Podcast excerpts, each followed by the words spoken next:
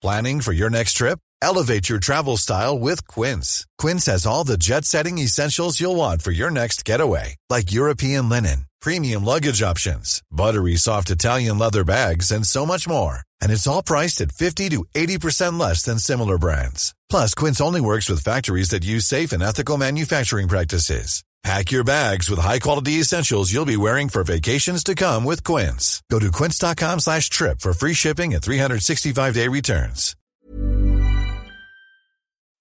Denne episoden av Hans Petter Co. er en annonseutgave som presenteres av Oracle. Oracle er et av verdens største IT-selskaper med nærmere 140 000 ansatte, en halv million kunder spredd over 175 land, og med en årlig omsetning på godt over 40 milliarder dollar.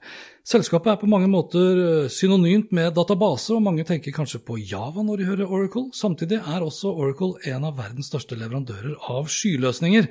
Og den siste tiden har i tillegg selskapet blitt uh, ofte nevnt i mediene verden over i anledning av Donald Trumps trusler om å forby TikTok hvis appen ikke blir solgt til et amerikansk selskap. I denne episoden her så skal det handle om koding. Ikke lær kidsa å kode, men om low code, eller lavkoding på godt norsk. Low code betyr i praksis at man utvikler applikasjoner med minimal bruk av koding, og Oracle selv kaller dette for demokratisering av applikasjonsutvikling. Men hvorfor er low-coding en voksende trend, og hva er det godt for, og for hvem? Jo, det skal vi snakke mer om i denne episoden her. Og for å forstå hvorfor dette er relevant for nettopp deg, så har jeg fått besøk av Oracles Torleif Grasto. Torleif har sin utdannelse fra Universitetet i Oslo og fra NTNU i Trondheim. Han har bakgrunn fra Telenor, Eriksson og nå Oracle, hvor han har jobbet med teknologi og arkitektur i nærmere 20 år. Velkommen til Hans Petter og co. Jeg heter Hans Petter, og denne episoden ble spilt inn eh, torsdag 8. oktober. Lenke til alt jeg har snakket om, og øvrige innslag finner du som alltid på hanspetter.no. Jeg sa innledningsvis at low-code handler om det å utvikle applikasjoner uten at man trenger å kode i gåstein noe særlig. Er det en dekkende beskrivelse, vil du si, Toef? Det ligger jo litt i navnet da, Hans Petter. ja.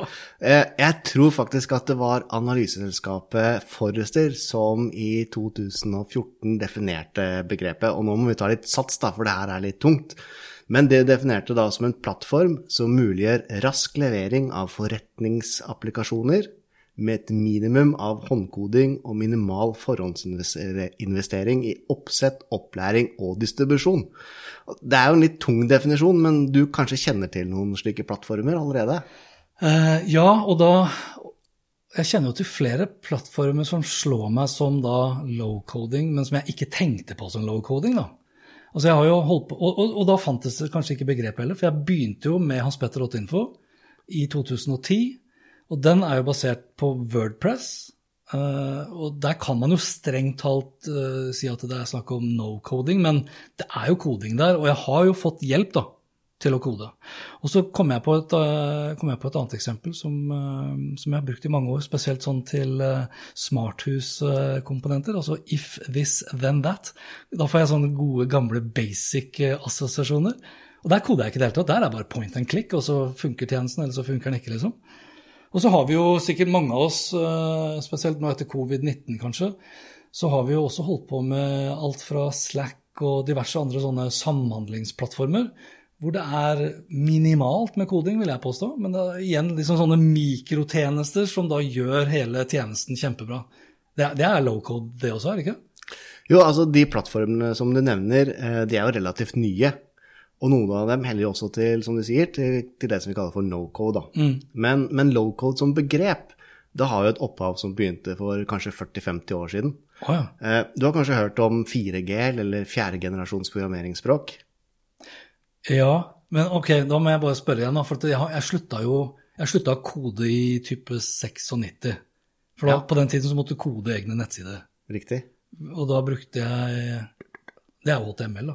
Ja. Men jeg har jo vært innom Jeg slutta sånn med rene programmeringsspråk med C++ og sånne ting. ja. Er det andre eller tredje generasjon, da, husker jeg? ja det, det er du har et poeng der, da, fordi tallet fire det beskriver et abstraksjonsnivå fra maskinvare.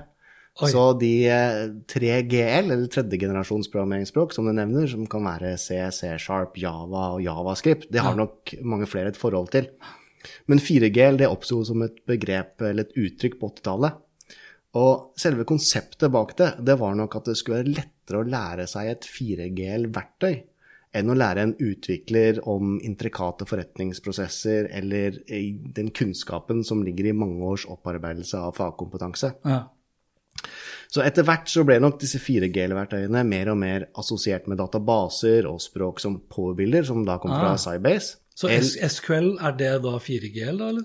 Nei, det ligner nok mer på et 3G-språk, men det ligger i grenseland, da. Ja, okay. Ehm, og så kommer jo da RPG-er, som er en forkortelse for rapportgenererende verktøy. Eh, og Oracle vi leverte også disse 4G-verktøyene da, og noen av dem er faktisk i bruk fremdeles. da. Eh, men mer moderne low-code-verktøy som jeg kan nevne, det er nok kanskje Kissflow, Oracle Apex, Microsoft Power Apps, som sikkert mange har hørt om, og så kommer da Google Appmaker på banen. Og så har man også Oracle Visual Builder. Ok, så det er, det er mange verktøy. Men hvorfor i praksis da er low-code viktig? Hvis vi da tar den Forrester-definisjonen, f.eks. eksempel da. Ja, Hvorfor bør, hvorfor bør Gud og hvermannsen egentlig bry seg om low-code? Eller bør ikke de det? Altså, Low-code har jo utviklet seg en hel del fra disse 4G-verktøyene. Og markedet for low-code det er jo estimert til å vokse til over 21 milliarder dollar de nærmeste årene. Og det er et vanvittig høyt beløp, egentlig. Men den, den opprinnelige tanken om abstraksjon fra maskinværet, og heller fokusere på jobben som skal gjøres, det er nok i stor grad med på den popularitetsøkningen da, man har sett på slike verktøy de siste ti åra. Ja. Ja, betyr, betyr det da at vi kommer til å se et mindre behov for at folk utdanner seg til å bli gode kodere? Nei, det vil jeg jo ikke si. Eh, Det å kunne bygge forretningsapplikasjoner med grafiske verktøy og konfigurasjon istedenfor håndkoding, det gjør at man generelt raskere eh, greier å oppfylle forretningsbehov enn tradisjonell koding i Java eller C-sharp. Og dessuten så kan jo de som ikke hardcode-programmerer, i større grad bidra med både prototyping og utvikling og produksjonssetting av forretningskritiske løsninger. Så hvis vi skal overføre det litt til et eksempel, da, så er det sånn at robotene i en bilfabrikk, det er jo ikke de som bestemmer hva slags bil det skal bli. Men, men det gjør jo prosessen med å bygge en bil veldig mye raskere. Så low-code dreier seg nok mest av alt til å frigjøre ressurser til å fokusere på viktigere ting, vil jeg si. Ja. Betyr det Altså, jeg snakker jo mye om digital transformasjon. Eh, Digitalisering kan vel kalle det også. Er da low-coding som sådan eh, et viktig bidrag til å akselerere virksomheters eh, digitale transformasjon? Ja, absolutt. Litt sånn ledende spørsmål. Ja, jo, men, men, men den digitale transformasjonen da, som vi opplever nå, det dreier seg i stor grad om å finne nye forretningsmuligheter, innovere og særlig utnytte det store potensialet da, man sitter med i både bredde og dybde av informasjon. Ja. Så jeg, jeg vet ikke om du har en egen skredder, Hans Petter? Nei, jeg er ikke det. Nei, du er ikke det, nei.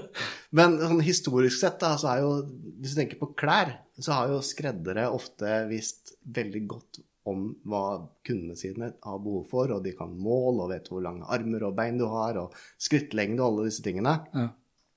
Men hvis du ser på andre T-selskaper, sånn som eh, Levis, som lager olabukser, eller jeans, det er jo det mer populære ordet. Ja, jeg, jeg tror det er bare vi eldre som sier Vi er kanskje der.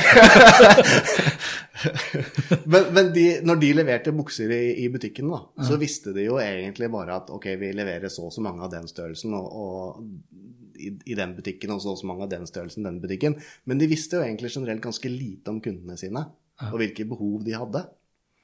Eh, Så de starta med et prosjekt som heter Fit to be tried, hvor man egentlig kombinerte disse to tingene. Hvor kunder kunne gå inn i butikken og få en unik opplevelse ved at man eh, ved en maskin tok mål, registrerte seg, og så kunne de få eh, jeans som var skreddersydd til seg selv direkte fra fabrikk. Riktig. Du betalte jo litt grann mer for det, men det var likevel noe som gjør at den grensa da, mellom skredder og en stor produsent ble litt grann borte. Ja.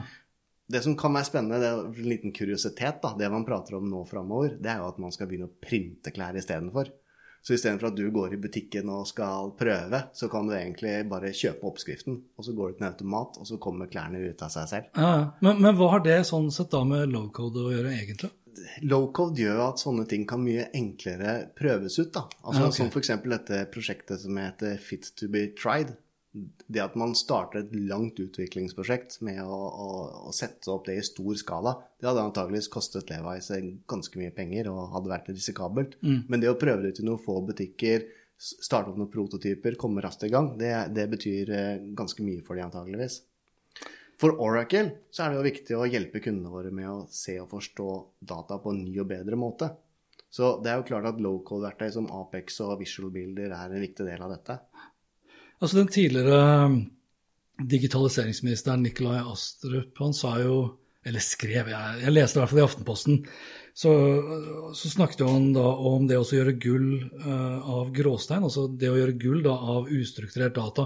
Er det er Levi's eksempel, for eksempel, da, er det liksom et eksempel på å gjøre gull da av eh, data som tross alt bedriften har? Altså Levi's hadde jo data om hvilke bukser som ble solgt osv., men, men kanskje man utnyttet det enda bedre da, med å ta i bruk da low-code-initiativer for å kunne know, som du sa i, i stad, det å komme opp da med nye forretningsmuligheter.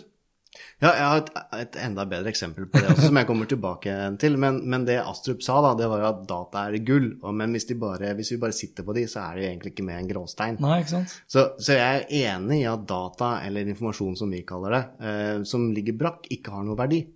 Men personlig syns jeg at dette er et følsomt område fordi at det også har en annen dimensjon, med tanke på hvilke data man sitter på, om lovgivning som GDP er, og hvordan informasjonen utnyttes. Ja. For det offentlige i Norge så er det helt klart at de sitter på mye relevant informasjon som skal kunne optimalisere og gjøre livene våre mye enklere. Men det krever også at vi som borgere må ha et bedre audit og innsyn i hvordan denne informasjonen benyttes. Ja, altså For at vi skal stole på at det ikke blir misbrukt, da? eller? Absolutt. Ja, ikke sant? For det hadde jo vært litt trist om eh, dine mål hadde blitt eh, offentliggjort på internett, f.eks. Eh, I forhold til når du prøvde bukser. Jeg vet ikke, det er kanskje noen som syns at det er eh, litt pinlig, men eh, Ja, nei, altså, ja, ja. Jeg kan, jeg kan jo se den. Samtidig så skulle jeg jo egentlig ønske at alle butikkene som jeg typisk handlet i, visste i større grad eh, mer om mine mål. For det er jo jeg er sånn, det er litt sånn på siden av, men jeg er en sånn klassisk Jeg er 1,80 høy. eh, Jeg tror at jeg er veldig sånn klassisk type. Bruker 42 i skostørrelse, bruker 32 i lengde og livet på buksene. Og det er liksom alltid de klærne jeg da skal bruke, eh, eller kjøpe, det er alltid de som er først utsolgt. Ja, da er vi helt motsatt, for jeg finner aldri klær. Men jeg er nok litt lavere enn deg, da, eh, så jeg kommer nok ikke inn i disse standardmålene. Så ja. Kan, altså, jeg nevnte jo Hans Petter Info som et eksempel på, på low-code pga. Wordpress, da, som er en low-code-plattform. Uh, I Oracle-forstand kan alle former for applikasjoner og tjenester utvikles med liksom et sånn low-code-tilnærming? Så, eller er det beholdt liksom regneark og Oracle sine databaser? Uh, Jeg tror nok at du ikke kan utvikle alle applikasjoner med low-code-verktøy. Men jeg vil gjerne gå litt tilbake igjen også, fordi de fleste verktøyene dreier seg jo mer og mer mot sky. Eh, og eh, særlig det rundt sikkerhet, da, så er i hvert fall vi i Oracle ekstremt opptatt av sikkerhet til våre kunder. Og at eh, det er bare kun de som har tilgang til sine egne data. At det er sikkert som banken, hvis vi skal si det sånn. Og det er jo en av de fordelene med low-code, det er at det er, det er ofte innebygd både robust sikkerhet og prosessflyter og integrasjoner. Og så er det jo da støtte for en rekke plattformer i tillegg, slik at du kan skrive én applikasjon som kanskje funker både på mobil og nettbrett og, og, og mer klassisk desktop. da. Ja, for gjennom Altså, er det Apex vi bruker da? Ja, Apex er jo en av de tingene vi Application kan bruke. Express. Application Express, ja. Ja. For, for å raskt og utvikle eh, brukergrensnitt på toppen av dataene dine. Er de da, er de da responsive? Ja, ja, ja, det er de. Ja, det er det, ikke sant? Så jeg må ikke lage én for mobil og én for nettbrett og én for laptop osv. Det er jo liksom det som er litt av poenget, da. Ja. At, det, at, at det skal gå fort å utvikle eh, applikasjoner på tvers av disse plattformene. Riktig.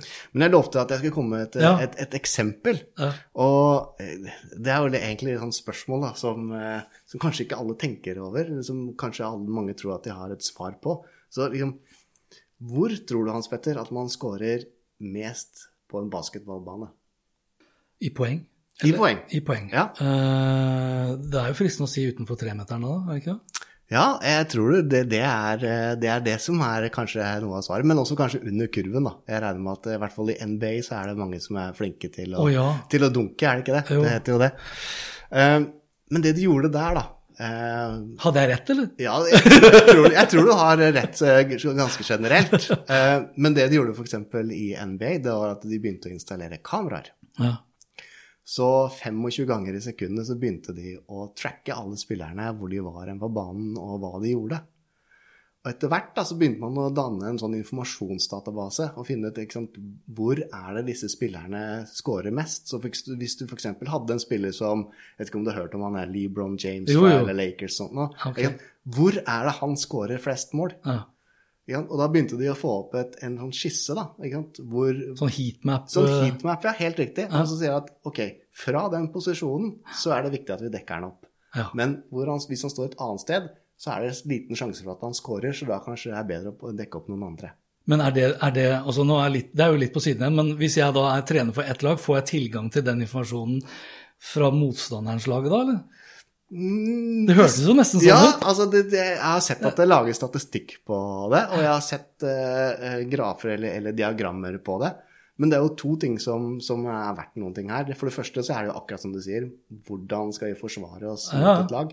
Men det andre er hvordan vi skal bli sterkere, da.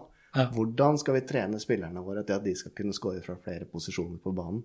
Er det, det er litt sånn som eh, eh, Jeg tror landslaget og flere andre innenfor fotball også har vel begynt med de her Du, du ser at de har sånne ekstra trøyer på seg Ja. som måler puls og tracker GPS og alt mulig, sånn at du ser hvem det er som løper Riktig. og ikke løper, for Ja. Ja. Hva de må trene på. Ikke minst da, hvis du møter et lag da, med know, en spiller som løper helt vanvittig mye, så er det kjipt hvis du har bare halvfeite forsvarere. Ja, men du, du har et poeng der, da. fordi at særlig innen sport og idrett så er det jo også vanvittige pengebeløp som er i, i spill. Ja, både når det gjelder gaming eh, og pengespill rundt det, men, men, men også i forhold til lønninger og Ja, ja. Ja.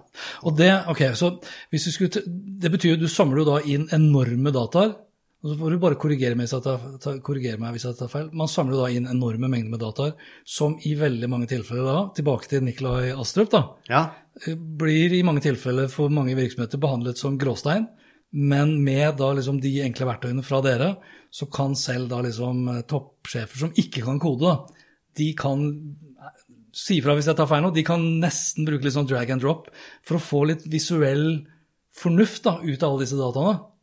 Er det riktig? Ja. På mange måter så er det riktig, og jeg tror vi kommer litt tilbake til det også.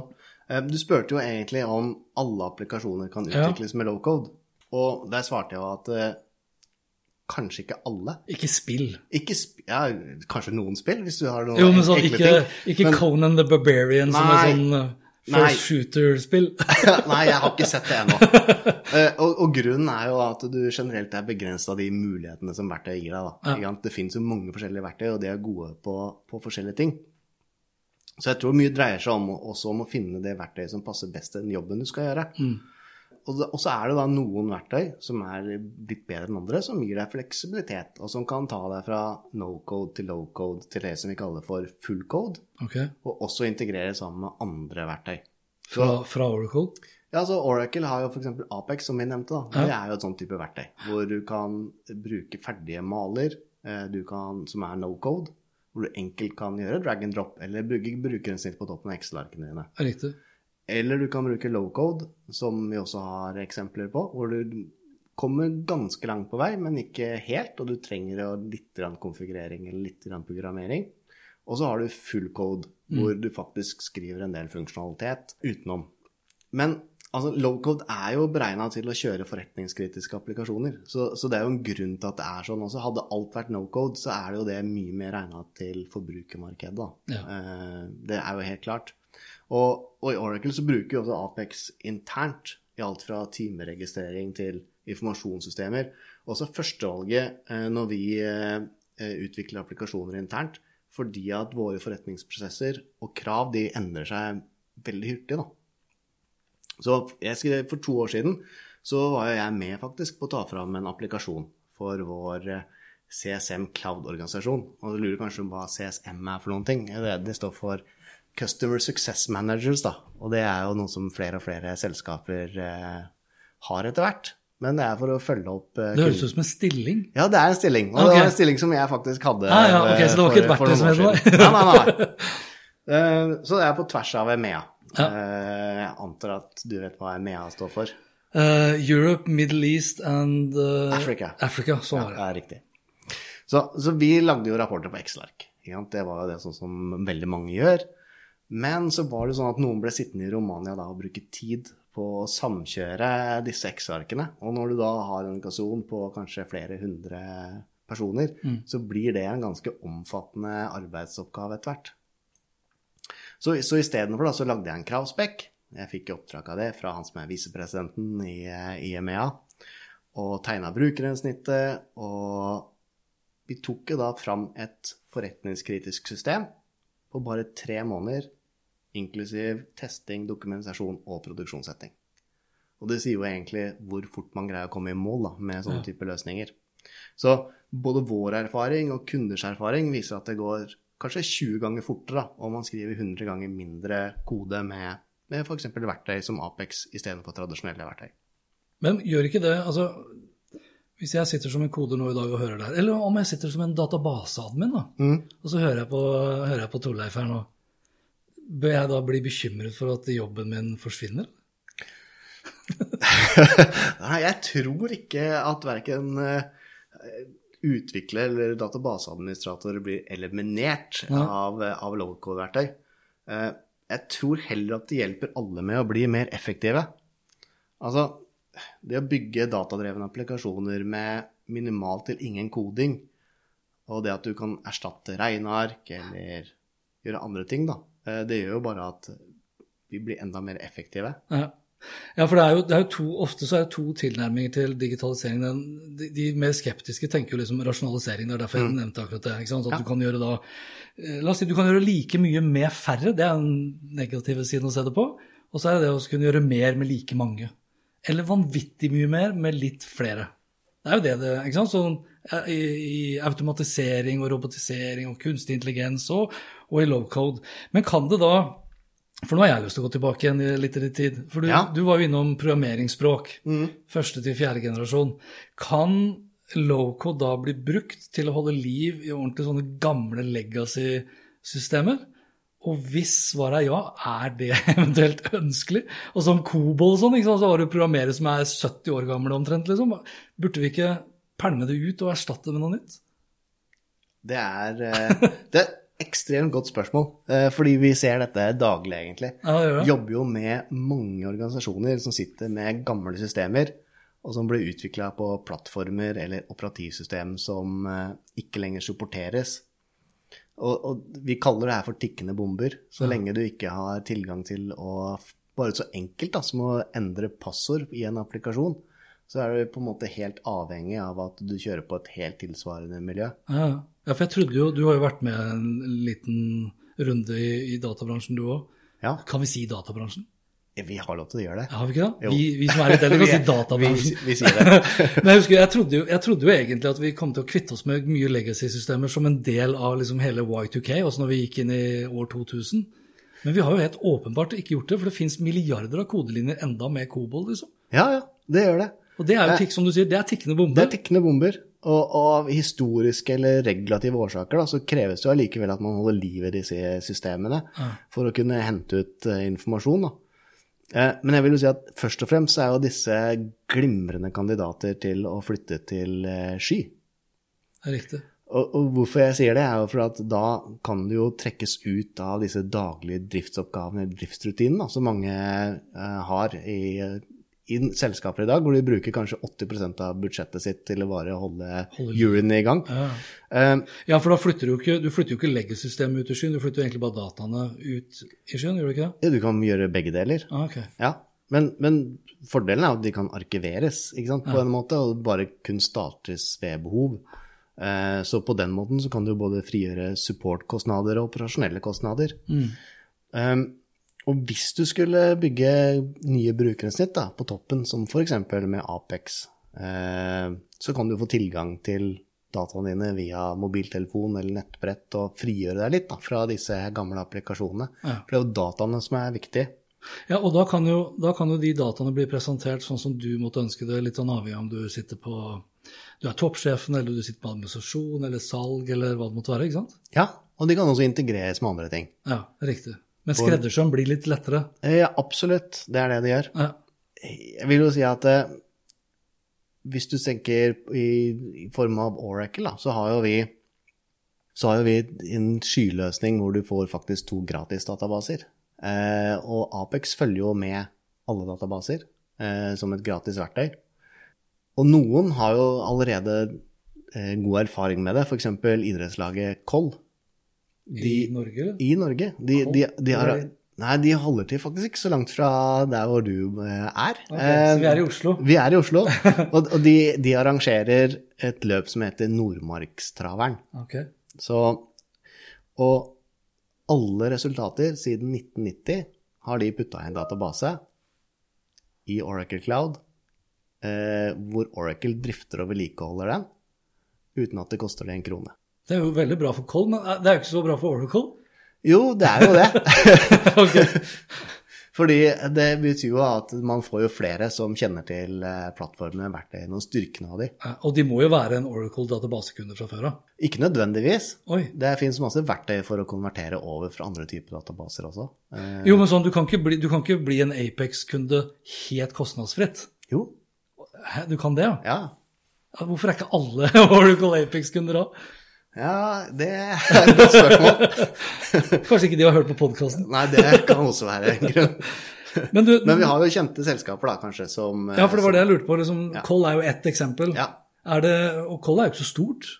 Nei, og du vet hva, jeg har faktisk ikke gjort noe særlig undersøkelse hvor mange medlemmer de har. eh, Men det er, et, eh, det er nok et sånt middels stort idretts, eh, idrettslag i Ja, Norge. jo, det, det er greit. At det, altså, jeg tenker mer på sånn Er Oracle med Apex et, eh, et verktøy for bare store enterprise-virksomheter? For Oracle i seg selv blir ofte sett på som en sånn bastion, svært amerikansk selskap. Mm. Eller passer det liksom for norske SMB-bedrifter? Ja, Det er jo det som er så bra. Det passer jo for alle. Ja, det, liksom det, det å kunne skalere fra faktisk én bruker som har lyst til å bygge platesamlinga si i en database og tilgjengeliggjøre den for, Ja. for hele verden, eller, eller for store selskaper. I Norge så finnes det jo masse bedrifter som har begynt å sette på low code, og vi hadde jo et webinar eh, nylig hvor vi hørte om to av de, ja. som var veldig forskjellige. Så Nav er jo et selskap som har faktisk tatt i bruk eh, low code eh, for et spesielt område, egentlig. Ja, Og det var et svært område. Det var et stort område. Da snakker vi om den EURES, europeisk jobbformidlingsportal. Er det, var, var det noe sånt, var det ikke? Jo, det var det. Jobbutvekslingsportal. Og den portalen, den inneholder jo faktisk 2,8 millioner stillinger og en halv million CV-er. Typisk SMB. Typisk SMB-markedet. Ja. Eh, Men det er jo én løsning som Nav eh, har utvikla her i Norge, og som nå rulles ut i resten av Europa, så vi er litt ja, er stolte av det, da. Eh, Et annet eksempel kan jo kanskje være Tieto Evry, eh, som har bygd mange slike løsninger, men til sine kunder igjen. Ja. Eh, hvor de har eh, alt fra boligkonfigurering eh, for boligpartner til eh, Frida, som er en applikasjon for Frivillighetssentralen i Norge. ja, for hun Bente Akre, Ja. som da holdt eh, innlegg på vegne av Tieto Evry på det webinaret eh, som handlet om low code. Jeg syns det var litt kult, for at hun tok jo utgangspunkt i der hun kom fra. Altså Hun Ja. representerte liksom Hamar-regionen, og det vil jeg jo si er, mye, mye SMB. da. Og det var jo mye innenfor hest. Det Det var, var mye innenfor hest også. og bolig, som du sa. Det er Ja. hest og bolig. ja, men det var, det, da ble jeg egentlig litt sånn her Da ble jeg litt uh, beroliget, Mm. sånn sett. For at det, da fikk du jo egentlig stadfesta der og da at det er jo en plattform for ikke bare de aller største. Det er liksom, Og én ting er jo de aller største ut fra et sånn kostnadsmessig perspektiv, men jeg tenker mest av alt kanskje da på kompleksiteten. For det er klart store virksomheter har gjerne mye også interne ressurser. Mens hun la jo frem da liksom det ene gode eksempelet etter det andre på mindre virksomheter som også hadde klart å ta det i bruk. Og det er jo et godt eh, bevis da, på at ikke det behøver å være så forbaska komplekst. Det er helt riktig. Og hun sa også at de, i mange av tilfellene så hadde de bare brukt to måneder fra første møte til de hadde en fungerende løsning. Ja, ikke sant? Så det er jo ganske unikt, da. Men, men det er jo et annet ganske spennende prosjekt i Norge også, som ikke var med på dette webinaret, som er gjort av Bouvet for NAKOS. Og så kan du lure hva er NAKOS for noe? Og det er et litt vanskelig navn. Da. Det er en forkortelse for Nasjonal kompetansetjeneste for prehospital akuttmedisin. Å ja. Ja, altså, altså, hva driver NAKOS med? da? Jo, de driver veldig mye med opplæring og tilgjengeliggjøring innenfor helsevesenet. Aha. De utviklet faktisk noe som heter hjertes, Nasjonalt hjertestarterregister for Helsedirektoratet. Så på den måten så kan vi si at Lowcode også er med på å redde liv, da. Oh, ja, Så, var bra. så 113-sentralene, eller AMK-sentralene, og de kan jo da føre eh, deg, eller hvis du skulle oppdage noen som trenger trenger akutthjelp, til nærmeste hjertestarter. Og det kan jo faktisk redde liv. Så hvis man går inn på 113.no, så er mye av funksjonaliteten der faktisk bygd i Apex. Med Bouvet, jeg kjenner jo flere i Bouvet. Simen, Mm. Simen Sommerfelt, ikke minst. Ja, Og det, og det var jo kult, for det tenkte jeg ikke på da jeg sa 'lær kids av koding'. Simen Sommerfelt i Bouvet er jo en av initiativtakerne bak 'lær kids av koding'. ja faktisk. Da, var- nå gikk vi nesten sånn ufrivillig full circle. Ja. Men eh, altså, er det noe mål er det noe mål i seg selv? Nå begynner, altså Low code, så sier de seg, da, da er det litt koding. Og så har vi no code, hvor det er nullkoding. Er det noe mål å liksom slippe å kode helt og holdent, liksom? Vil, vil nye applikasjoner og tjenester, f.eks. i den grad man trenger å kode, bli kodet av kunstig intelligens, eller er det, eller er det så langt fram i fremtiden at det er ikke noe vits å prate om det nå i dag? Det er et ekstremt spennende tema, Ja. og det gir meg masse energi da, å prate om kunstig intelligens osv. Men på en måte, ja. Men, men det er jo fordi at kunstig intelligens er et sånt vidt samlebegrep. Ja. Så vi har jo i dag f.eks. selvgenererende rapporter, dashbord, API-er, og det kan jo på en måte klassifiseres som kunstig intelligens. Men, men heldigvis så er vi et godt stykke unna Skynet da, fra Terminator-filmene. Og vi er vel godt unna liksom, hvor jeg kan si Nå skal ikke jeg si 'hei, Google', for da, da starter jo det, men vi er godt unna at jeg bare kan si til en mikrofon at jeg vil ha en sånn og sånn type applikasjon, og så setter kunstig intelligens i gang med å, å programmere. Vi er, vi er nok det. Ja. Uh, og vi er nok på et mye lavere nivå der også. Ja, men, men på en måte så er vi jo ikke så langt fra Hvis du husker Iron Man, så har han en personlig assistent som heter Jarvis. Ja, stemmer det. Så, så innenfor områdene maskinlæring og det som kalles for augmented analytics og deep learning, Ja. så har vi faktisk ganske mye funksjonalitet. Uh, Men jeg tror fremdeles så er det en utfordring det å forklare maskiner en intensjon. Og, og ja, nå er jo jeg mann, da, Uh, så jeg håper i hvert fall at, uh, at, eh, noen føler at, det er, at du føler det samme. Men Ja, bare, at bare det å kommunisere intensjon til Ja, sånn, våre bedre halvdeler, det er jo noen ganger en liten utfordring. Ja. Er det ikke det? Hans Jo, jo. Petter? Jeg, nå trodde jeg egentlig du skulle si uh, siden du er mann, så mangler du f.eks. Uh, etisk Nei, ikke etisk, men estetisk sans. ja. For det tror jeg også kan bli litt sånn utfordring for kunstig intelligens. Altså Ja. brukergrensesnitt, brukeropplevelsen. Uh, jeg tror det tar lang tid før kunstig intelligens da har For da, da tror jeg nesten du må ha en bevissthet. Ja, det, det kan nok være. Jeg, jeg prøvde et lite eksperiment, da. Og så Jeg vet jo at det er litt sånn forskjell på disse plattformene. Men jeg spurte sånn Siri, da. Hvor er nærmeste hjertestarter? Kunne hun det? Nei. det, var, det, det var helt håpløst. Så både Alexa og Cortana, jeg tror ikke de er noe bedre heller. Skal vi prøve Google, Det, jeg prøvde Google, faktisk. Ja. Eh, og det kom litt grann nærmere, for da fikk jeg i hvert fall linken til 113.no. Ah, ja. skal, vi, skal vi prøve her nå? Gjerne. gjør det. Hei, Google. Hvor er nærmeste hjertestarter? Beklager, jeg skjønner ikke hva du mener. Nei, det er det klassiske svaret. Beklager, jeg skjønner ikke hva du mener. Ja. Ok, Så kunstig intelligensen er ikke helt i mål Nei, det er ikke der det. ennå. Men, men det vi kan gjøre, det er å prøve å la applikasjonene bli litt smartere, da. Ja. Det kan vi gjøre. Så 5. desember i fjor, Mhm. altså da prater vi i eh, 2019. 2019, Ja. så var det to viktige ting som skjedde, i hvert fall på Oracle-sida. Da ble maskinlæring og noe som, spatial, noe som heter spatial and graph, det ble da inkludert uten ekstra kostnad for alle databaser. Hvorfor nevner jeg det? Eh, fordi at det gir alle muligheten, uansett versjon, til å forstå dataene sine bedre. Så hvis du kan kombinere dette med Apex, så kan vi begynne å få smarte brukergrensesnitt. Så hvis vi tar det tilbake igjen til jeans igjen, da. Så Til Levi- hva? Til jeans. jeans, jeans, ja. og Ja, ja. Levis. Olabukser. Ja, ja, ja olabukser. Så siden de hadde informasjon om hvilke varer som ble solgt i hvilke butikker, så vil jo vi da med denne maskinlæring-funksjonaliteten og, og funksjonaliteten som ligger da i databasen, kunne kanskje forutsi alderssammensetning, inntekt, livsstil og utvikling av kundemassen framover. Det gjør at Levis da på disse butikkene kan forutse egentlig hvilke produkter og tjenester som de skal levere. Og det er jo ganske smart, da. Må legge til da, gitt aktivt samtykke.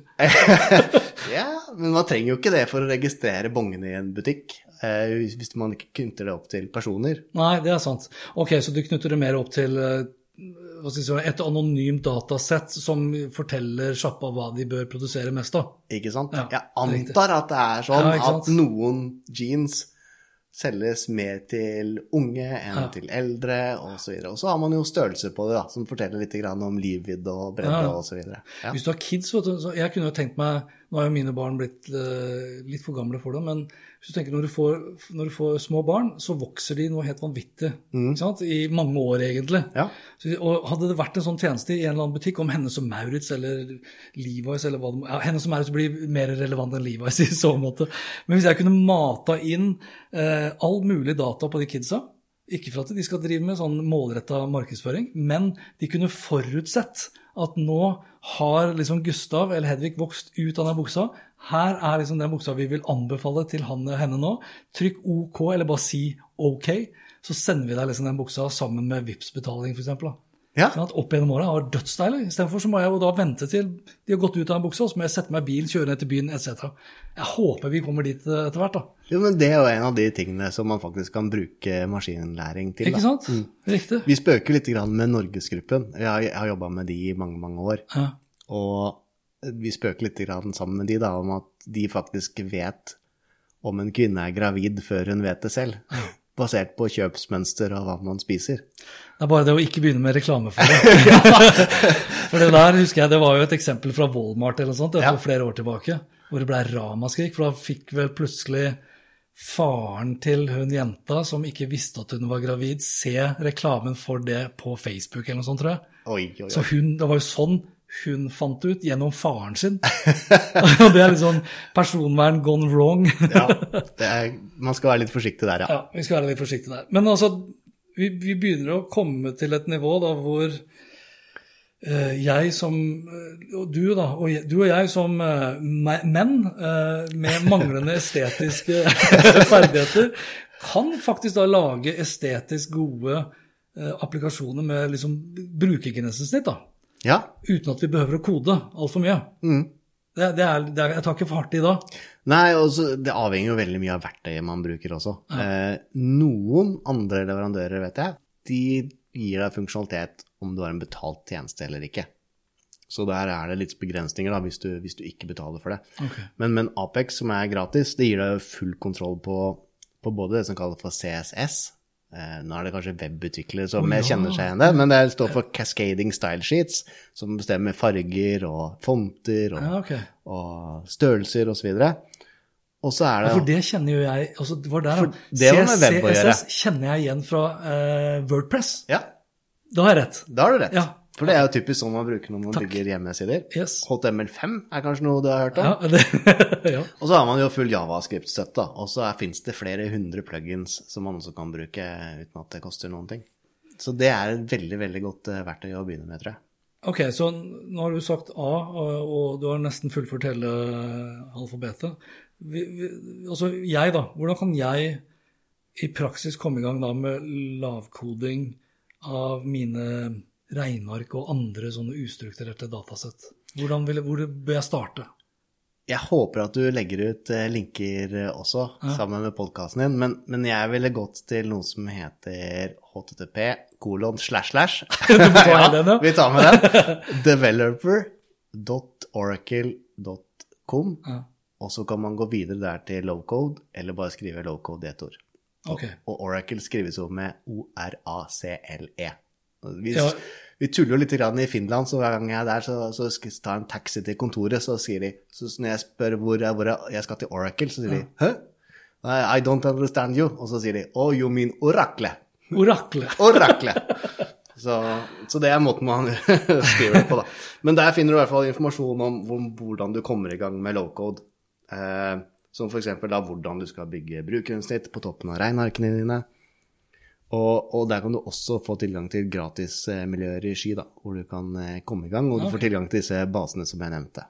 Og da kan jeg liksom leke meg med forholdsvis enkle regneark til å begynne med, f.eks. Du kan eh, leke deg med hva du vil. Du kan enten starte med regneark, eller du kan importere fulle databaser. Det er liksom helt opp til deg, da. Og vi hjelper deg gjerne i gang. Og som du sa, vi legger ut da lenker til alle disse ressurssidene på podkasten. Ja. Eller på bloggposten til podkasten på haspetter.info. Ikke sant? Veldig bra. God plan.